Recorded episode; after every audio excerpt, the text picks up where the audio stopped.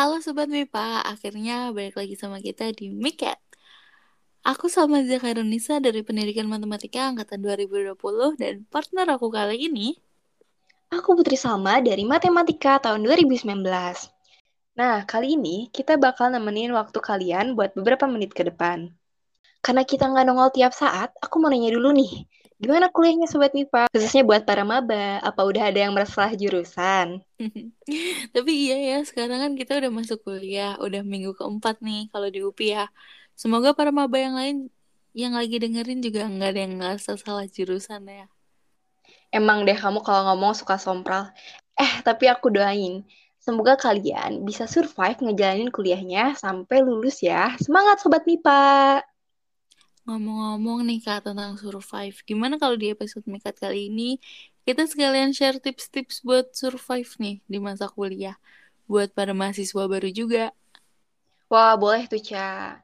Yang pasti nih, yang pertama nih, tips dari aku yang wajib banget dilakuin itu selalu fokus kalau lagi kelas. Catat juga hal-hal penting yang disampaikan sampai dosen, biar kalian gak bakal ngulang matkul nih. Terus, cari teman juga yang bisa diajak buat belajar bareng ya.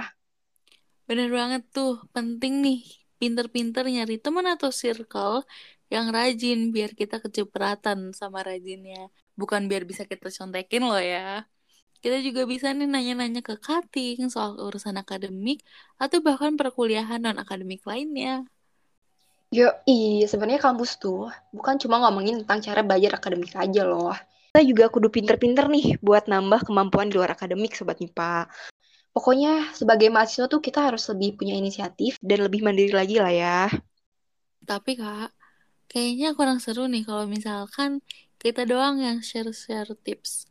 Mending kita ajakin para sobat MIPA juga gak sih buat nge-share tipsnya menurut mereka masing-masing? Wah, boleh tuh, Ca. Nah, kalau gitu setelah podcast ini di-upload, kita bakal buka question box di Instagram at BMFMIPA buat kalian drop berbagai macam tips buat ngejalanin perkuliahan. Nanti kita juga bakal share beberapa jawaban dari kalian yang menarik. So, stay tune di IG BMFMIPA.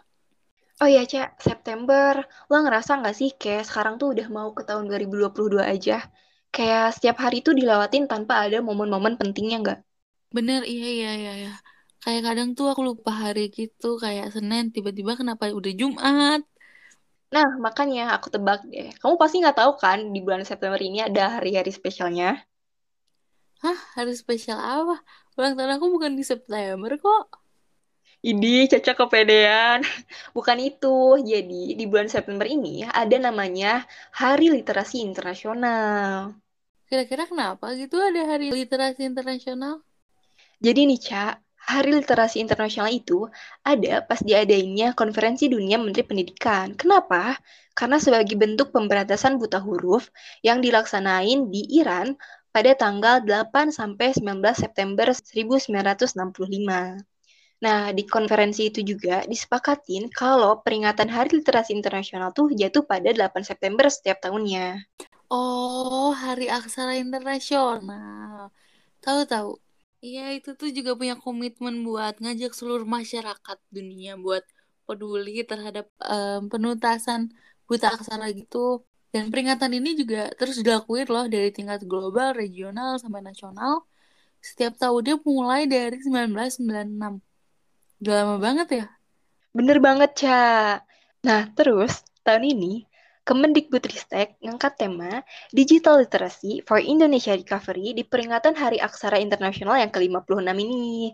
Dan beliau berharap kalau program pendidikan keaksaraan bisa jadi lebih adaptif terhadap perubahan-perubahan yang terjadi. Karena sesuai sama tema Hari Aksara Internasional itu sendiri, yaitu Literacy for Human-Centered Recovery, Narrowing the Digital Divide yang temanya tuh diangkat dari krisis COVID-19 yang udah ngerubah semua kegiatan pembelajaran kita nih, bener gak? Betul banget. Uh, tapi aku mau nanya nih, kalau menurut Kak Putri sendiri, kenapa sih literasi itu penting? Kalau berdasarkan research nih ya, ya cilah. Literasi itu bukan sekedar tahu angka huruf dan bisa baca tulis, tapi literasi itu juga kemampuan seorang buat ngolah dan memahami informasi yang dia baca atau tulis supaya nantinya bisa dipakai buat ngatasin permasalahan di kehidupan sehari-hari. Jadi literasi itu penting banget. Benar-benar benar. Kalau gitu berarti literasi juga bisa ngebantu seseorang jadi berpikir lebih kritis gitu ya dan punya budi pekerti yang lebih baik gitu. Mm Ca. Literasi itu ngebantu banget nih buat seseorang biar bisa jadi individu yang lebih maju dan lebih unggul lagi. Berarti yang bisa aku simpulin dari pembahasan tentang literasi tadi tuh kalau tingkat literasi bisa jadi faktor mendukung buat kemajuan masa depan gitu ya. Jadi kalau misalnya tingkat literasinya tinggi, makin ada kemungkinan buat lebih maju suatu negaranya.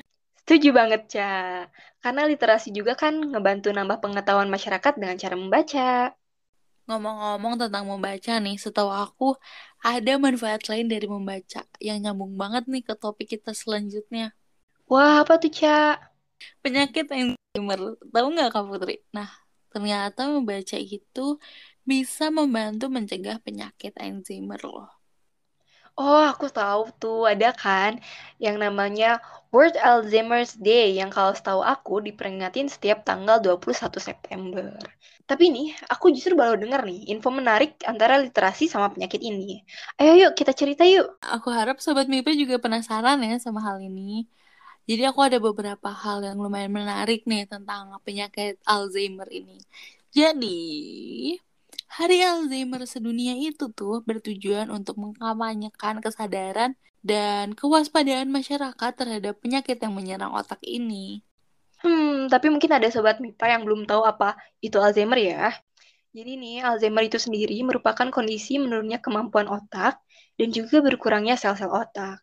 Bisa dibilang Alzheimer ini penyakit otak yang bisa nurunin daya ingat, kemampuan berpikir, berbicara, sama adanya perubahan perilaku secara bertahap. Hmm, bener tuh. Makanya penyakit ini sering dikaitin sama proses penuaan. Jadi umumnya tuh dialamin sama lansia. Tapi ternyata faktanya nggak gitu, guys. Alzheimer ini juga bisa dialamin sama orang yang bahkan under 40 tahun tuh bisa loh. Oh iya, penyakit Alzheimer ini juga penyakit genetik loh, alias penyakit keturunan. Jadi kalau kita ada keluarga yang pernah punya penyakit itu sebelumnya, kita tuh bisa jadi lebih berisiko buat kena penyakit ini. Oh, aku baru tahu kalau yang itu. Tapi setahu aku Alzheimer tuh bukan bagian dari penuaan normal gitu karena Alzheimer tuh lebih parah daripada pikun loh. Karena gini, yang menderita penyakit ini tuh bakal ngalamin gejala yang lupa hal-hal sepele penting dalam keseharian kayak misalnya lupa cara nyetir, lupa sama orang-orang terdekat, bahkan bisa juga kayak lupa cara berpikir, makan, berbicara, dan hal-hal penting lainnya gitu dalam keseharian. Wah, mungkin itu ya salah satu alasan kenapa penyakit Alzheimer ini penting banget sampai diperingatin setiap tahunnya di seluruh dunia. Hmm, iya sih, aku rasa supaya orang-orang tuh lebih aware gitu tentang tantangan yang dihadapin sama pasien penyakit ini. Wah, bener tuh. Karena selain itu tuh kita juga nggak ada cara buat ngurangin resiko penyakit ini. Terus, sampai saat ini juga belum ada nih obat yang pasti buat ngatasin penyakit Alzheimer. Eits, tapi Sobat Mipa jangan khawatir. Karena Alzheimer ini bisa dicegah dan ditangani sejak dini. Salah satu contohnya bisa nerapin gaya hidup sehat, kayak aktivitas fisik secara teratur. Hmm, aku ada cara lain juga nih, kayak yang udah kita sampaikan tadi. Kalau baca buku itu bisa ngurangin penyakit Alzheimer ini. Karena berdasarkan penelitian dari Universitas California Berkeley yang udah ngebuktiin kalau rutin membaca sejak dini itu bisa ngebantu cegah penyakit ini. Soalnya, ngebaca buku itu ternyata bisa menghambat pembentukan plak amiloid atau protein yang ada pada otak. Jadi bisa banget nih buat ngecegah penyakit Alzheimer ini.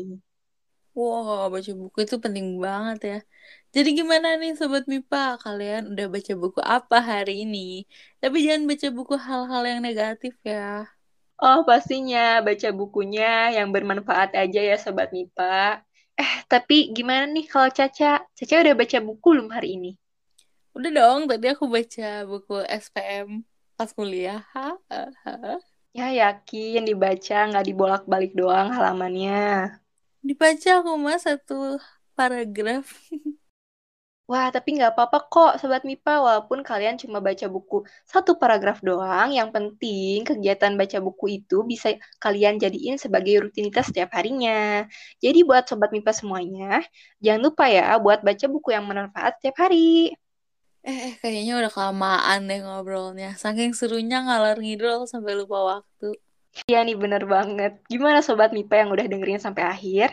Semoga obrolan kita tadi bisa ngasih banyak manfaat dan motivasi, juga insight positif buat kalian semua ya.